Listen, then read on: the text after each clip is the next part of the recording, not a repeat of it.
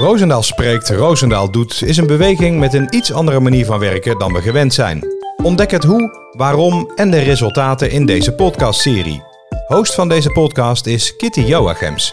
Leuk dat je luistert. In deze tweede aflevering uh, van Roosendaal Spreekt, Roosendaal Doet, gaan we het hebben over de diverse modellen waar uh, mee gewerkt wordt. En uh, we duiken zometeen ook echt de praktijk in. Dat doen we met Manon Blom. Zij is een van de gespreksleiders en een deelnemer aan die gesprekken. Dat is Karin. dan praten we ook met Marij Quirijnen, maar die komt nu ook al even aan het woord. Zij is onderzoeker van de gemeente Roosendaal en lid van het kernteam Roosendaal Spreekt, Roosendaal Doet. En uh, Marij die gaat je uitleggen wat dat Roosendaals model nou eigenlijk inhoudt. Ja, precies. Um, het Roosendaals model bestaat uit uh, vier fasen. En wat wij willen in die fase is echt in de leefwereld van onze bewoners komen. we beginnen eerst met op basis van data een analyse van wat is nu het probleem, wat speelt er. Uh, dit doen we aan de hand van de vitaliteitskaart, hebben we als basis gebruikt. En we hebben bij de pilot Burgerhout uh, zijn we tot uh, drie probleemgebieden gekomen. En dat zijn de gebieden ouder worden, veilig in Burgerhout en rondkomen in Burgerhout. Um, wat wij dan willen is bij uh, al die drie thema's uh, zijn wij gesprekken ingegaan met bewoners. En dat doen we uh, met de bewoners die ook echt ervaring hebben met die problematiek. Dus bijvoorbeeld bij Veilig zoeken we mensen die echt ervaring hebben met hoe ze de veiligheid beleven in de wijk, maar bijvoorbeeld ook met de buurtpreventisten. En met ouder worden hebben we de groep vrijwilligers die zich heel veel hebben ingezet voor ouderen, maar ook uh, de ouderen zelf, uh, mensen die nog wel heel actief zijn, maar ook mensen die wat minder uh, actief zijn. Um, en met rondkomen van mensen die ervaring hebben van hoe moeilijk het is om ja, in armoede te leven. Um, ja, dat vereist nogal wat om die mensen ook uh, aan tafel uh, te krijgen, om de juiste mensen aan tafel te krijgen. Dus daar schakelen we intermediairs uh, voor in, om echt ja, niet de, de usual suspects aan tafel te krijgen, maar echt mensen die met die problematiek te maken hebben. Daar gaan we mee in gesprek en die gesprekken die duren drie uur. Dus ja, dat vereist nogal wat van deelnemers ook om om daarvoor tijd te willen maken. En de meesten zeggen ook wel van, jee, drie uur, dat krijgen we nooit volgepraat, maar het gaat razendsnel uh, voorbij. Uh, en daarbij zoeken we uh, dan ook bij die gesprekken, maken we gebruik van de goede gespreksleiders, die ook snappen, die, ja, die zich goed kunnen inleven bij de leefwereld, bij de problematiek waar het over gaat. Um, met de gespreksleiders um, hebben we ook een workshop uh, gehouden van uh, hoe wij zo'n gesprek uh, willen voeren. Dus het moet een heel open gesprek zijn en niet alleen maar klagen, maar juist dat mensen aangeven van nou, waar lopen ze nou tegenaan en waar zouden de, de, we ze mee kunnen helpen. Um, en aan de hand daarvan gaan we een soort van draaiboek uh, maken. Maar het kan ook zo zijn dat het draaiboek uh, weer helemaal uh, anders wordt tijdens zo'n gesprek.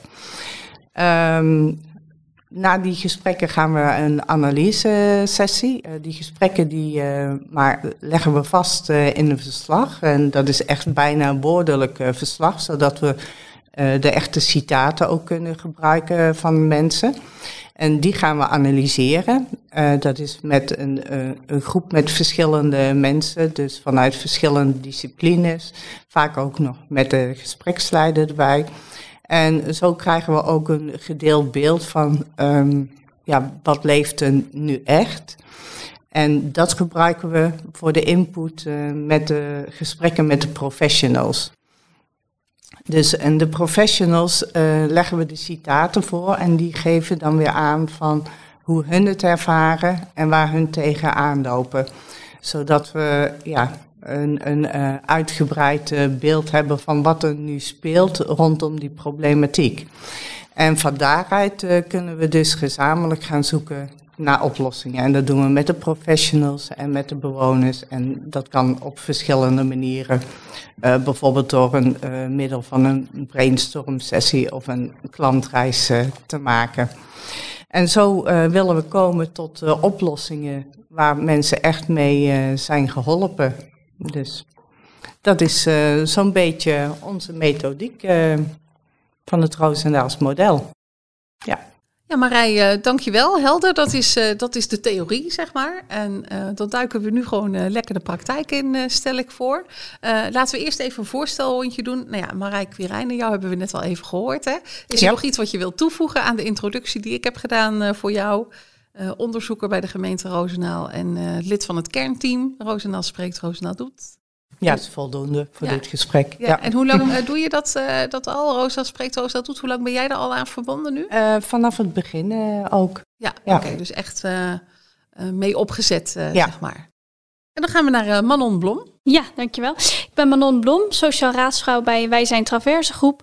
En gespreksleider voor, voor Roosendaal Spreekt, Roosendaal Doet. Je zegt sociaal raadsvrouw. Wat, wat ben je dan? Wat doe je dan? Je geeft juridisch advies eigenlijk over allerlei zaken aan de inwoners van Roosendaal.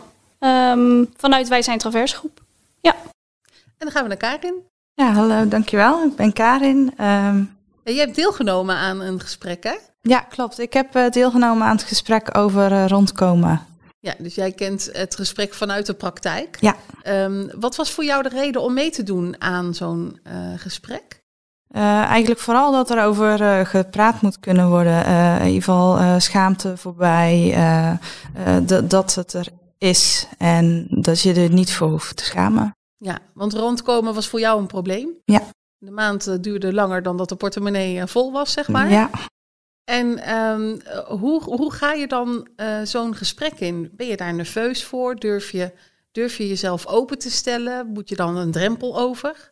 Uh, in eerste instantie even kijken van wat gaat er gebeuren. En daarna durf ik wel uh, gewoon ook inbreng, uh, ja, mijn inbreng te geven. Ja, nou leuk dat jullie er zijn, alle drie. En ja, ik zei het al, we gaan echt een beetje die die praktijk in? Hoe gaan die gesprekken dan? Hoe bereid je je daarop voor? Uh, zowel vanuit de kant van Manon als gespreksleider, maar ook uh, Karin natuurlijk uh, als deelnemer.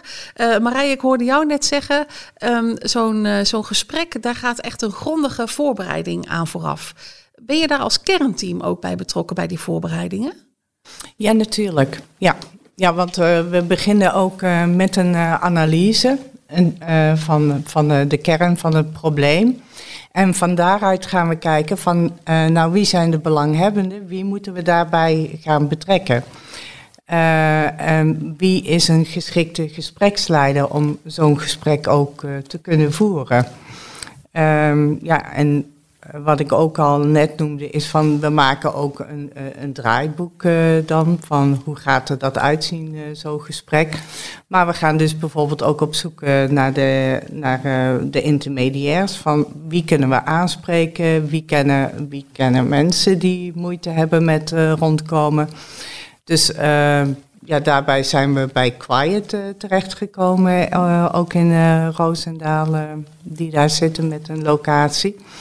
En we hebben de teamleider van Quiet gevraagd uh, om gespreksleider voor rondkomen te zijn, uh, bijvoorbeeld. En dat scheelt ook, want dan merk je ook van um, dat uh, Karen van Quiet die kent best veel mensen al. Mm -hmm. Dus dan is zo'n gesprek ook ehm, al gelijk wat toegankelijker en wat opener. Was op dat die ook, manier. Was dat, want je hebt het over Karen van Quiet Community, maar dat is niet deze Karin. nee, hè? dat is een, een andere Karin. Ja, ja. What's in the name? ja. Uh, maar Karin, was dat voor jou dan um, uh, de ingang zeg maar, voor deze gesprekken, de Quiet Community? Um, ik ben inderdaad wel aangesloten bij Quiet Community, maar ik ben zelf gevraagd door Wij Zijn Traverse Groep. Oké, okay, ja. En is dat via Manon gegaan? Hebben jullie samen met elkaar gesproken? Nee, nee via nee, opbouwwerken. Via Marco. Ja. Ja. En, en als je dan um, Uh, op een gegeven moment heb je, dat heb je het probleem. Hè? Je kunt niet rondkomen. Uh, je hebt daar moeite mee. Je zegt zelf al, ik wil het een beetje meehelpen uit die taboe, taboesfeer te halen. Um, was voor jou meteen duidelijk, ik moet hulp zoeken? Of, of heb je eerst heel lang aangerommeld, om het zo maar te zeggen? Nou, voor mij, ik wist wel dat ik hulp moest zoeken. Alleen ik kon geen hulp krijgen. Omdat ik in een situatie zat vanwege wet en regelgeving... waardoor ik geen hulp kon krijgen.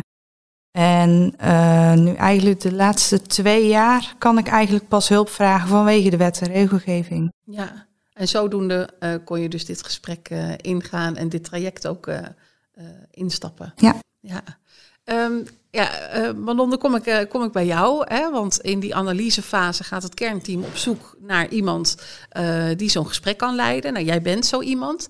Um, wat voor competenties moet je hebben om zo'n gesprek in goede banen te kunnen leiden? Ik denk in de eerste plek een, een nieuwsgierige houding. Ik denk dat het heel belangrijk is, een open houding. Um, dus echt, echt uh, je interesseren voor wat er in de wijk gebeurt. En nu heb ik zelf een gesprek gedaan over bijvoorbeeld veiligheid.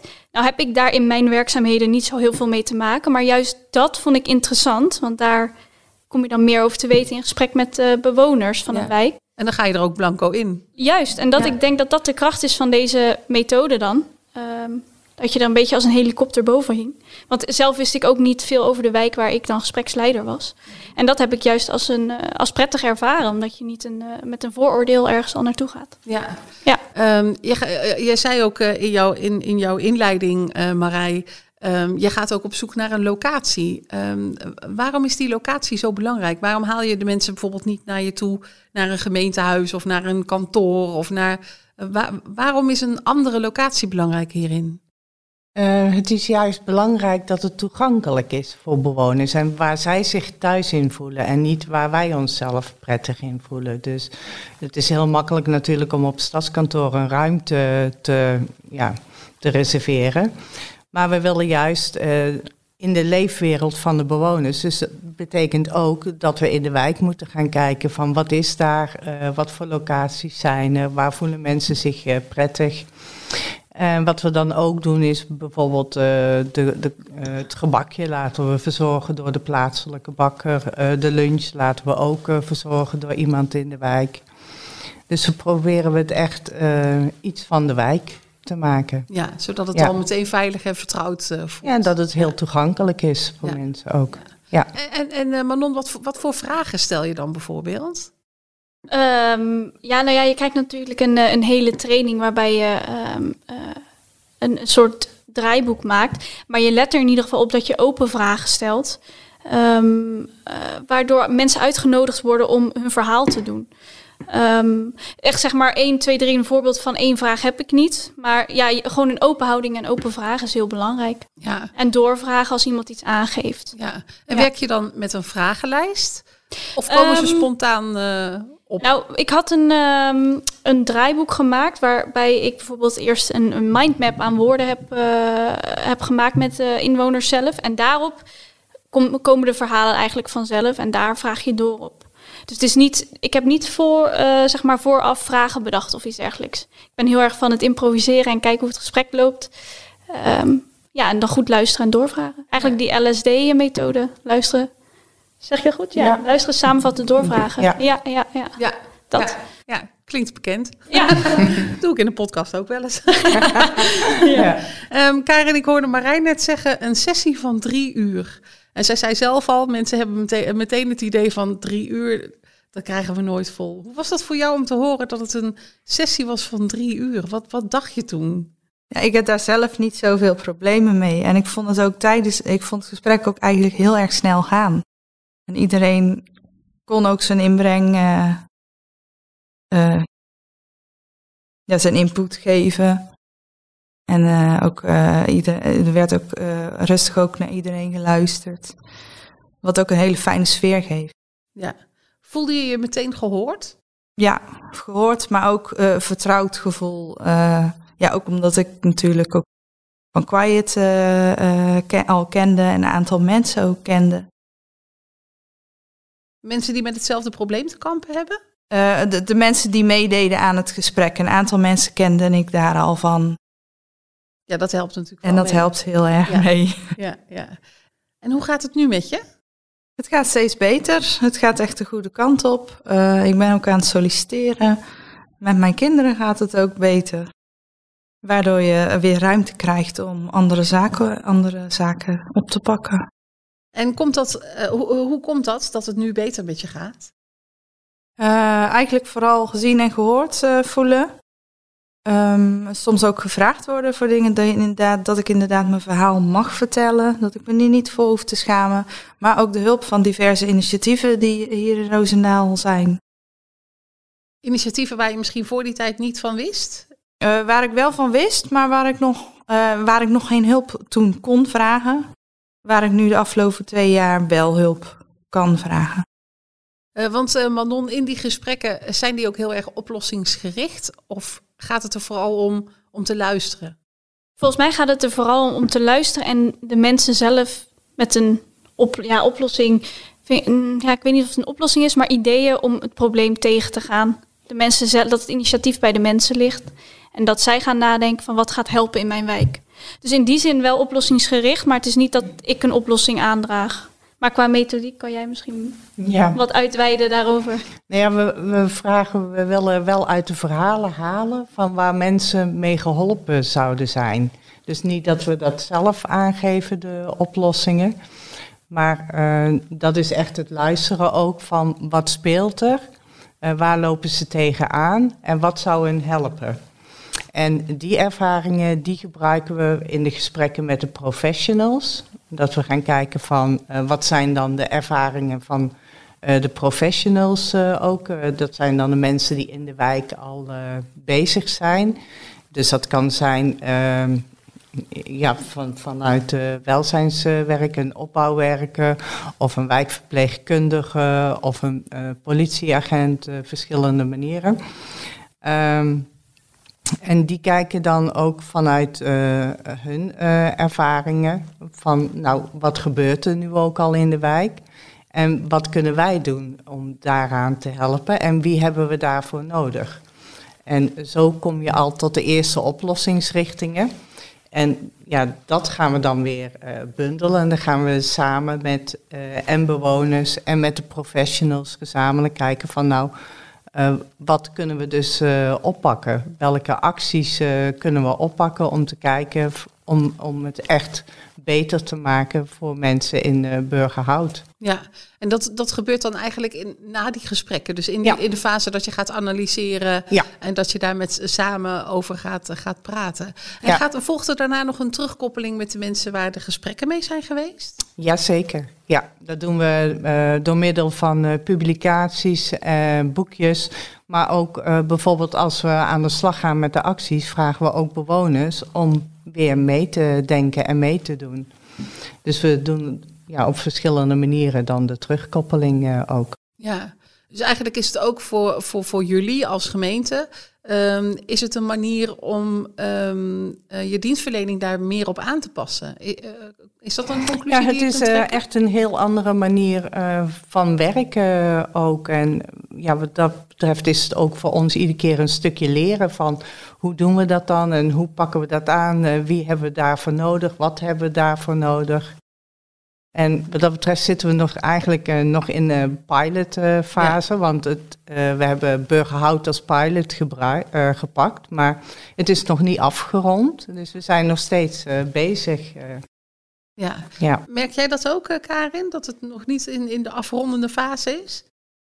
er zijn altijd dingen die vooral anders kunnen. Um, maar wel, ja, wat ik wel heel fijn vind is, is uh, dat het gelijkwaardig is en inderdaad dat er oplossing naar oplossingen en ook gevraagd wordt van um, aan uh, bewoners, maar ook aan uh, bijvoorbeeld vrijwilligers van wat is jullie ervaring en hoe kunnen wij daarvan leren?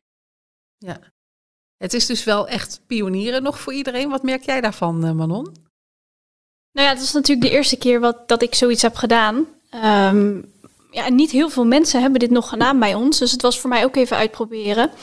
Uh, maar ik merk wel dat collega's en zo het wel interessant vonden van, oh, wat ga je dan doen? En uh, er is wel heel veel interesse voor, voor de methodiek uh, van de manier van omgaan met, met de burger, zeg maar, uit de wijk. Um, ja, dat eigenlijk. Ja, verder direct gelinkt aan mijn werkzaamheden merk ik niet zoveel van uh, Roosendaal spreekt, Roosendaal doet eigenlijk. Nee, met de um, oplossingen, met de acties zijn we weer bezig met ja, andere collega's ja, precies. Uh, van jou. Ja, ja. ja, dus dat, dat is een beetje uit elkaar. Maar, ja. Ja. Uh, na zo'n zo'n sessie van drie uur praten, hè, Um, dan, dan, komen er natuurlijk heel veel dingen voorbij. Er komen heel veel verhalen los. Dat zullen ongetwijfeld ook verhalen zijn um, die verdrietig zijn of die moeilijk zijn. Um, hoe zorg jij ervoor dat je dat niet mee naar huis neemt? Door het daar te laten. Kijk, ik, ik heb, ik, maar dat is, ik denk meer een persoonlijk iets. Ik neem niet heel snel iets mee naar huis. Um, en in, in deze situatie scheelt het misschien dat ik ook in, in, het, uh, in het welzijnswerk zit. Dus je bent wel wat gewend, om het zo te zeggen. Mm. Dus dan, nee, ik nam bij beide gesprekken heb ik het niet, uh, nee, niet mee naar huis genomen. Maar ik heb niet een bewust foefje daarvoor of zo. Nee, dat zit gewoon in mij. Ja, denk ik dat gewoon. Ja, ik kan, ja, op de een of andere manier kan ik dat gewoon. Ja, ja, ja. En, en uh, misschien hetzelfde antwoord hoor, maar um, um, in de vorige aflevering hebben we het ook heel even gehad over het feit um, dat je als gespreksleider ook echt uh, zonder oordeel dat gesprek mm -hmm. ingaat. Ja. He, je zei net al, uh, ik wist er niet zo heel veel vanaf, dus ik ga er blanco in, dus dat is al fijn. Maar als mensen iets vertellen, heb je daar misschien toch ongemerkt een oordeel over of een mening over. Je mening voor je houden, dat, dat snap ik, hè, dat je dat kan. Maar die mening ook echt niet mee laten tellen. Hoe, hoe doe je dat? Door je bewust ervan zijn dat je op zo'n moment merkt dat je weerstand hebt. Maar dat toch tegen te houden. Dus je bent constant bezig met, ben ik neutraal? Oké, hier vind ik wat van. Uitspraken die worden gedaan in een gesprek. Uh, maar toch altijd um, uh, bedenk van nee, nee, zet het opzij. En er was wel één moment uh, dat ik het niet eens was met een uitspraak. Maar toen liep ik ook toevallig naar jou toe, even naar, naar Marij toe, in de pauze van oh. En toen heb ik dat weer laten gaan. Dus je hebt wel een uitlaatklep doordat Pascal en Marij er allebei natuurlijk bij zijn. Ja. Um, maar in principe, ja, je bent een soort van gewend oordeelloos zijn. Want in je werk moet je ook oordeelloos zijn. En dan hoor je ook een hele hoop. Dus dat is een skill die je wel ontwikkelt. Ja. Als, je dit, als je mijn werk doet. Ja. En, en dan pas, je toe hier. En pas als je weer naar huis gaat, heb je overal een mening over. Ja, precies. Ja, ja, ja, ja. Um, als ik um, uh, jou vraag, Marij, uh, jullie zijn nu een tijdje bezig met Roosendaal Spreekt, Roosendaal Doet. Op het moment dat je begint in het kernteam, uh, dan heb je daar toch een bepaald beeld bij, kan ik me zo voorstellen. Klopt het beeld tot nu toe of heb je het heel erg moeten bijstellen? Um, ja, we hebben het wel bij moeten stellen, omdat het langzamer gaat vanwege de corona ook. Oh, dus ja. we hebben heel veel gesprekken op moeten schorten. Dus dat is wel jammer. Uh, maar voor de rest uh, van de methodiek en uh, het team uh, waarin we samen optrekken van de energie die daaruit komt. Van ja, dat voldoet eigenlijk precies aan de verwachtingen van ook van uh, het gevoel hebben van dat je ook met um, iets bezig bent wat ook werkelijk verandering uh, bent. Ja, dat is gewoon uh, heel mooi om aan mee te kunnen werken. Ja. Het laatste woord is voor jou, Karin. Wat is de kracht van Roosendaal spreekt, Roosendaal doet? Um, samen. Vooral samen. maar voor iedereen ook die mee wil doen aan de gesprekken, gezien en gehoord voelen. En voor beide schaamt. Dank jullie wel. Tot zover deze tweede aflevering. En dan volgt de volgende keer logischerwijs aflevering 3. Daarin uh, hebben we het over het brainstorm-model met klantreis.